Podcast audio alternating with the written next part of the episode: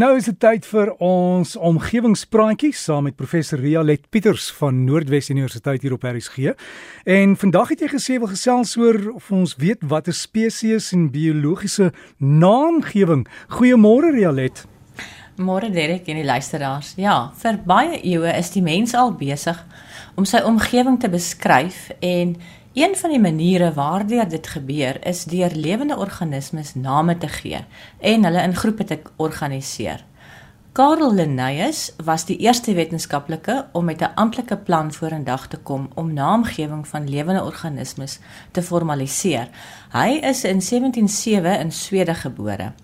Sy merkwaardige stelsel van klassifisering is eenvoudig en elegant en word vandag steeds gebruik.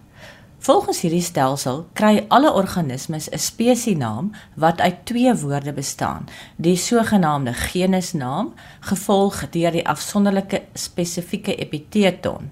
En saam staan die twee woorde bekend as die organisme se spesienaam. So is die spesienaam vir die mens Homo sapiens.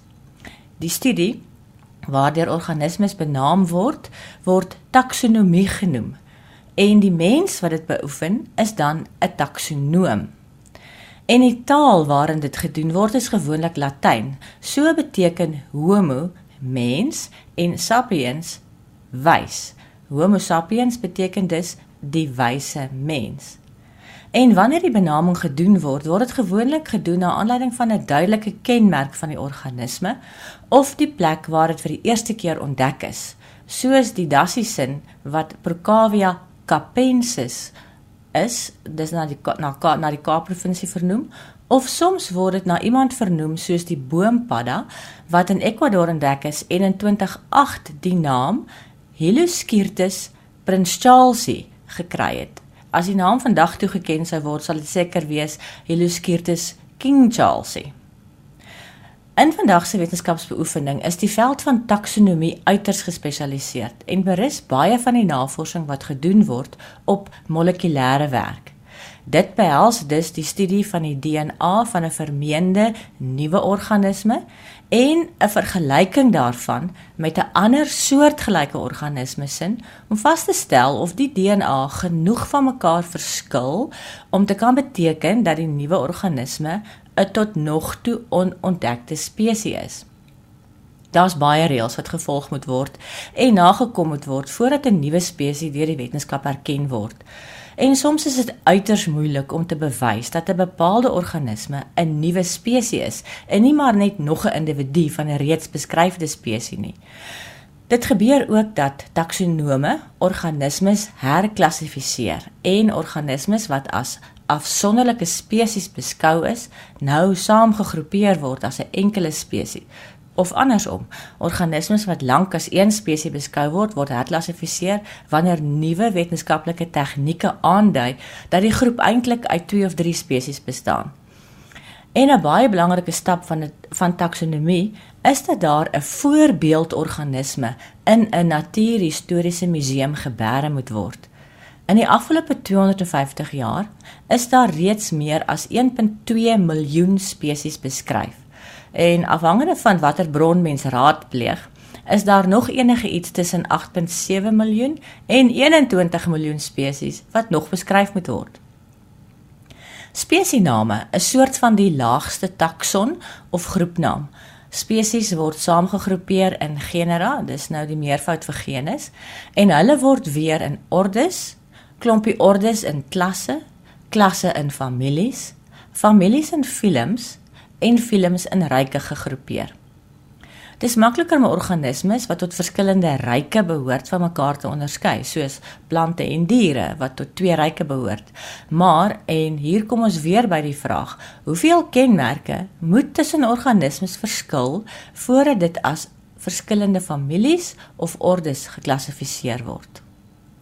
Die pragmate onder ons kan nou seker wonder waarom sal 'n mens nou jou lewe daaraan wil wy om organismes name te gee en selfs sover gaan om te wonder of dit 'n lewensvatbare loopbaan is. En ja, taksonomie is seker een van die sogenaamde basiese navorsingsrigtinge, maar die toegepaste navorsingsrigting van die bewaring van biodiversiteit steun baie sterk hierop. Die handhawing van biodiversiteit is geweldig belangrik vir die voortbestaan van die onderskeie ekostelsels op die aarde. En ekostelsels het lewensvat lewensbelangrike funksies vir die mens: verskaffing van suurstof, van skoon water, van kos, van veilige habitatte en die handhawing van bestendige weeromstandighede. Ek hoef die luisteraars van hierdie radio-insetsel nie te probeer oortuig dat biodiversiteit van ononderhandelbare belang vir die suksesvolle voortbestaan van die aarde en sy mense is nie. En taksonomie help met die akkurate beskrywing van die onderskeie spesies wat die legkaartstukkies van biodiversiteit is. En nou kan die Chinees, die Brasiliaan en die Pakistani met ewe groot sekerheid na 'n organisme verwys wat argumente onthaalwe die nuwe plaag op suikerriet is. En die Calvinis in my dink dat taksonomie direk die Bybelse opdrag in Genesis bewerk en bewaar die aarde uitvoer. Daar bestaan verskeie definisies vir wat 'n spesies nou eintlik is. En een van die meer gerieflike definisies is die biologiese spesies konsep wat veral in die dierkunde relatief maklik toegepas kan word. Volgens die biologiese spesies konsep behoort daardie individue wat suksesvol kan kry steel en lewensvatbare nakommelinge produseer tot dieselfde spesies. So paar die kudubull met die kudukoei en nie die bosbok ooi nie, want hy herken haar nie as 'n paringsgenoot nie. En die kalfie wat gebore word, kan self weer voortplant. En daar is allerlei maatreëls, oftewel isolasiemeganismes in plek om te voorkom dat diere wat nie tot dieselfde spesies behoort nie, kan voortplant. Een so meganisme is dat die verskillende spesies op verskillende tye van die dag aktief is. Of As daar wel 'n poging aangewend word en die sperms vrygestel word in die voortplantingskanaal van 'n wyfie van 'n ander spesies, dan is daar meganismes in plek wat verseker dat die sperm nie die eiersel binnendring nie. Maar daar's maar altyd uitsonderings. 'n Merrieperd en 'n donkie hinks kan 'n filletjie voortbring, maar die is dan 'n muil wat steriel is. Perde en donkies, ten spyte van hulle ooglopende ooreenkomste, behoort tot verskillende spesies. Maar ten spyte van hulle ooglopende verskille, behoort alle honde aan dieselfde spesies en behoort die St Bernard met die Chihuahua te kan paar en 'n baba hondjie produseer wat op sy beurt weer kan voortplant. Volgende week gesels ek oor 'n baie goeie Suid-Afrikaanse voorbeeld van hoe een spesies aanleiding kan gee tot die ontstaan van 'n nuwe spesies.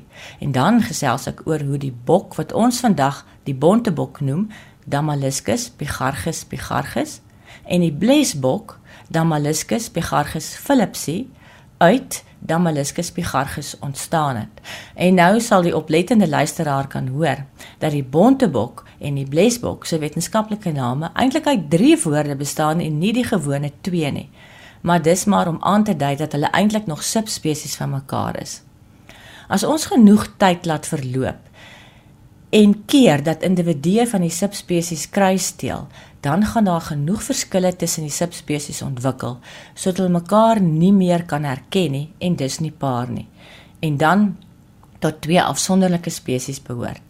Ek het op omgewingspraatjies se Facebook bladsy 'n foto geplaas van die boompadda wat na die Britse monarg vernoem is. Gaan kyk gerus. Ons gaan sien maak Rialet Pieters professor by Noordwes Universiteit. Jo, ons moet gaan Google ry 'n bietjie meer inligting oor al daai feite te kry.